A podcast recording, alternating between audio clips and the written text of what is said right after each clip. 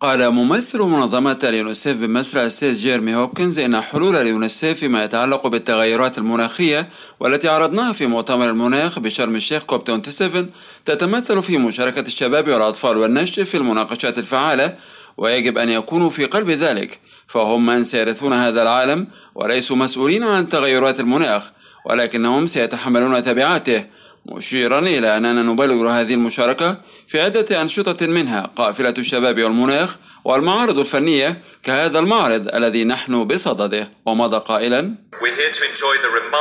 نحن هنا للاستمتاع بالأعمال الفنية الرائعة ونتعلم من الفنانين الشباب أنفسهم حول ما يمكننا القيام به للتصدي لقضايا تغير المناخ التي نواجهها.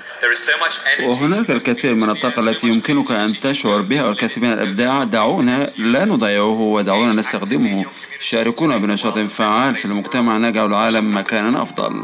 ونوه الدكتور رضا حجازي وزير التربية والتعليم لأن الوزارة بالتعاون مع يونيسيف مصر لديها خطة استراتيجية لرفع مستوى الوعي ل 25 مليون طالب وطالبة للعمل من أجل المحافظة على بيئتهم من خلال تقديم دورات تدريبية حول تغير المناخ كما نستهدف 350 ألف معلم ومدير مدرسة داخل نطاق إداراتهم التعليمية حول نفس الهدف. وهذا المعرض الفني شاهد على ذلك. ومضى وزير التربية والتعليم قائلا أولادنا في مصر بيقدموا رسالة لأطفال العالم كي إن هم يحافظوا على بيئتهم علشان الأجيال القادمة تقدر تعيش بشكل أفضل.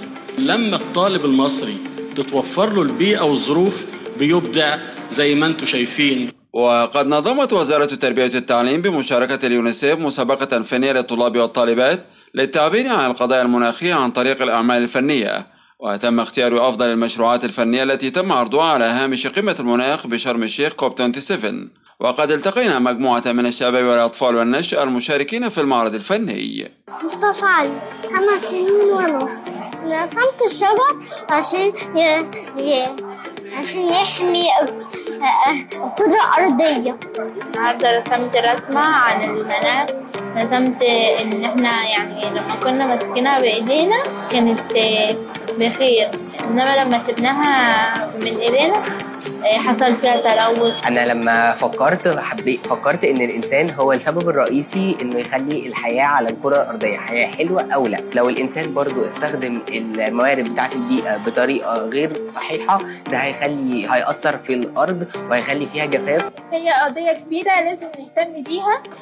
إحنا بنحاول نوصل فكرة بسيطة للناس إن لازم نتحضر الأخضر وإن إحنا نعمل نمنع الانبعاثات الضارة. وكانت قافلة الشباب والمناخ ضمن أنشطة يونيسيف مصر في قمة المناخ بشرم الشيخ وهي قافلة تسير في كل محافظات مصر تحدثت إلى عشرة آلاف شخص وتم الاستماع إلى آراء الشباب والحلول المقترحة وتم عرض بعضها ضمن فعاليات قمة المناخ بشرم الشيخ وبعد انتهاء فعاليات القمة توجهنا إلى الشباب بسؤال وماذا بعد؟ ما الذي يمكن أن تقدموه لمواجهة التغيرات المناخية؟ بوجه رسالة للشباب اللي في سني إن يعرفوا إن قضية المناخ وتغير المناخ دي قضية مهمة جدا وممكن تأثر على حياتنا وتأثر على الأجيال الموجودة دلوقتي والأجيال القادمة. إحنا حاليا عالمنا بقى أشبه بكتلة النار فإحنا عاوزين نرجع نتحول تاني للعالم الأخضر اللي هو كله مليان زراعة وشجر. إحنا هنبدأ بنفسنا كل واحد لو زرع عن سطح بيته كل واحد لو عمل بأقل مجهود إن إحنا هنقدر نرجع العالم بتاعنا تاني للعالم الأخضر اللي إحنا عاوزينه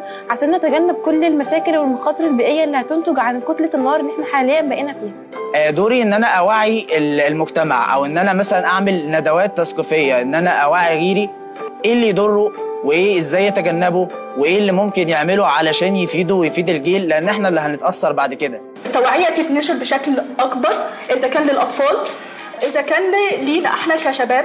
في الدورة السابعة والعشرين لمؤتمر الأطراف لتغير المناخ بشرم الشيخ كوب 27 دعا الأمين العام للأمم المتحدة السيد أنطونيو غوتريش لعقد ميثاق تاريخي مناخي بين الاقتصادات المتقدمة والنامية والناشئة تبذل فيه جميع الدول جهودا إضافية لتقليل الانبعاثات محذرا من أن البشرية أمام خيار العمل معا أو الانتحار الجماعي.